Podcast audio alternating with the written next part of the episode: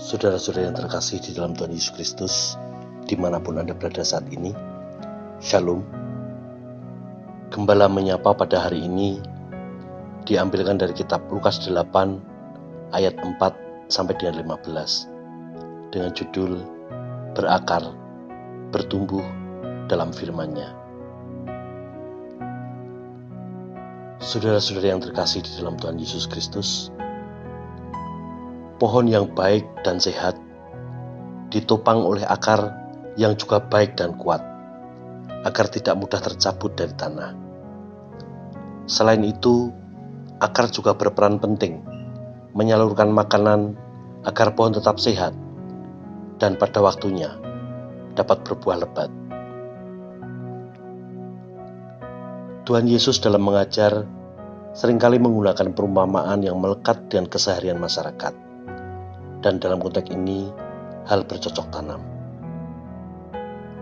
Tuhan Yesus menyoroti mengenai tanggapan manusia atas firman Tuhan yang didengarnya.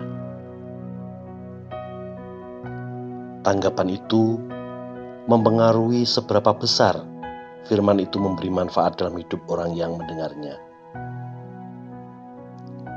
Jika firman Tuhan hanya didengar, tetapi tidak dilaksanakan, atau orang mengeraskan diri terhadapnya, maka kepenuhan hidup dalam Kristus tidak akan tersalur dalam hidup. Sedangkan orang yang mendengar firman dan melakukannya, sebagaimana tanah yang subur, ia akan menerima segala sesuatu yang baik dari sang sumber kehidupan, yaitu Kristus sendiri. Ia akan bertumbuh dalam iman yang kuat, tahan menghadapi berbagai tantangan hidup, dan berbuah lebat dengan kebaikan yang bermanfaat bagi banyak orang yang ada di sekeliling hidupnya. Kalau kita mau bertumbuh dan berakar, maka pilihannya hanya satu: gumuli dan cintai firman Tuhan. Amin.